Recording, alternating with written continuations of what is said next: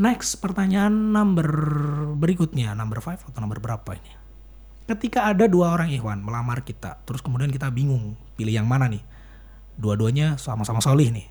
Terus kan kita harus sholat istiqoroh nih ya, untuk milih pasangan yang tepat. Nah, pertanyaan adalah, bagaimana cara kita tahu bahwa jawaban sholat istiqoroh kita itu adalah jawaban yang tepat? Dan bagaimana jika jawaban dari sholat istiqoroh itu baik tetapi masih ada keraguan di dalam menjalankannya?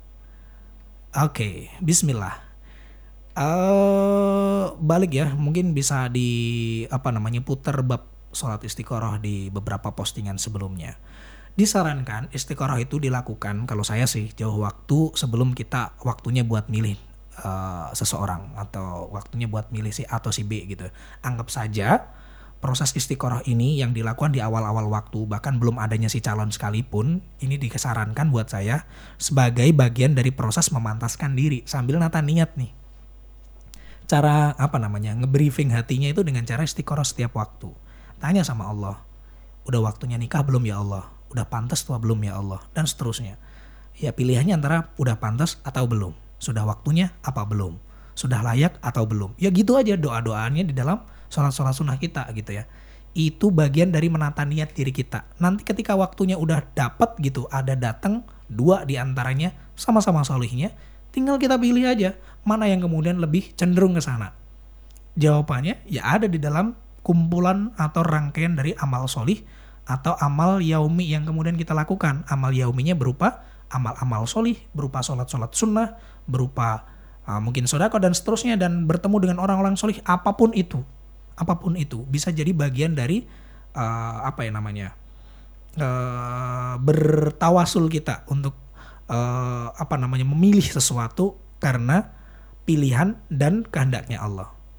Jadi fokusnya bukan dengan siapa, tapi fokus sama niat nikahnya. Masalah dengan siapa ntar Allah mantapkan di belakang aja. Jadi nggak penting uh, siapanya, tapi yang penting Allah yang milih dan melibatkan Allah. Soalnya apa gitu ya? Biar kita yakin gitu loh. Kalau misalnya ntar ragu dalam menjalankannya bagaimana ya, ntar jangan-jangan dia solehnya di di depan. Ntar jangan-jangan dia begini sama aku. Ntar uh, jatuhnya dia nggak baik sama keluargaku. Ntar kalau jadi masalah begini, bagi pertanyaan-pertanyaan keraguan-keraguan ini akan dijawab seiring dengan kita melakukan amal-amal soleh yang kemudian kita lakukan sama Allah. Karena kita sudah merasa melibatkan Allah, maka ketika nanti ada masalah, percayalah Allah juga ada di sana dan akan ngebantu setiap proses dari masalah yang kita hadapi itu. Jadi gitu, gampangannya biar kita nggak ragu bagaimana cara ngejalani, jalin aja dengan yakin. Karena setiap waktu kamu sama Allah, nanti ketika susah pun Allah juga ada di situ, pasti. Janji Allah demikian, kita datang selangkah, Allah datang dengan berlari. Kita datang seribu langkah, Allah mungkin beribu-ribu kali. Bahwa Anna inda dhanni abdibi. Aku sesuai dengan prasangka hambaku. Seiring berjalannya waktu, nantinya ketika kita sudah terbiasa melakukan amal-amal yang soli, Allah pun juga akan hadir di wilayah-wilayah aktivitas-aktivitas kita. Bahkan aktivitas-aktivitas yang kemudian nggak kita sangka-sangka itu, ternyata Allah terlibat di sana.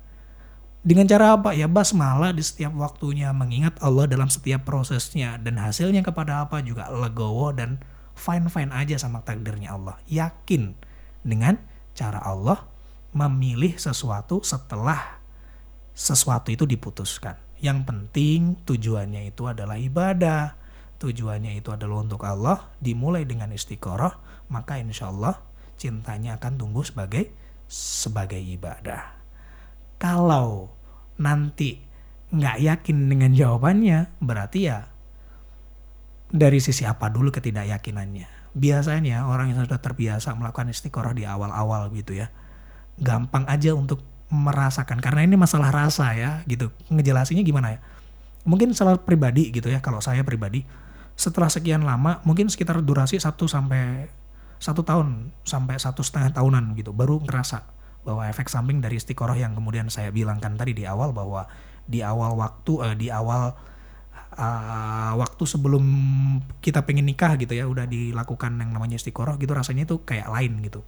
Ketika datang yang benar-benar serius ada banyak mungkin yang kemudian berproses mungkin yang gagal terus kemudian agak lama terus ternyata gagal juga. Tapi ketika sudah waktunya oh ini kayaknya yang tepat. Dan bener rasanya itu mantap aja walaupun mungkin kita diajar sama banyak kasus banyak uh, tantangan banyak masalah-masalah gitu. Kayaknya kita wah bisa nih diselesaikan gimana cara menyelesaikannya ya nggak tahu cara-caranya Allah itu nggak nggak uh, nggak terduga-duga gitu ya yang bisa ngerasain ya yang melakukan ibadah itu ya yang yakin sama Allah itu rasanya kok makin makin percaya ya dikasih tantangan begini oh sikat tuh berani tuh Iya. Kenapa berani? Karena ada Allah.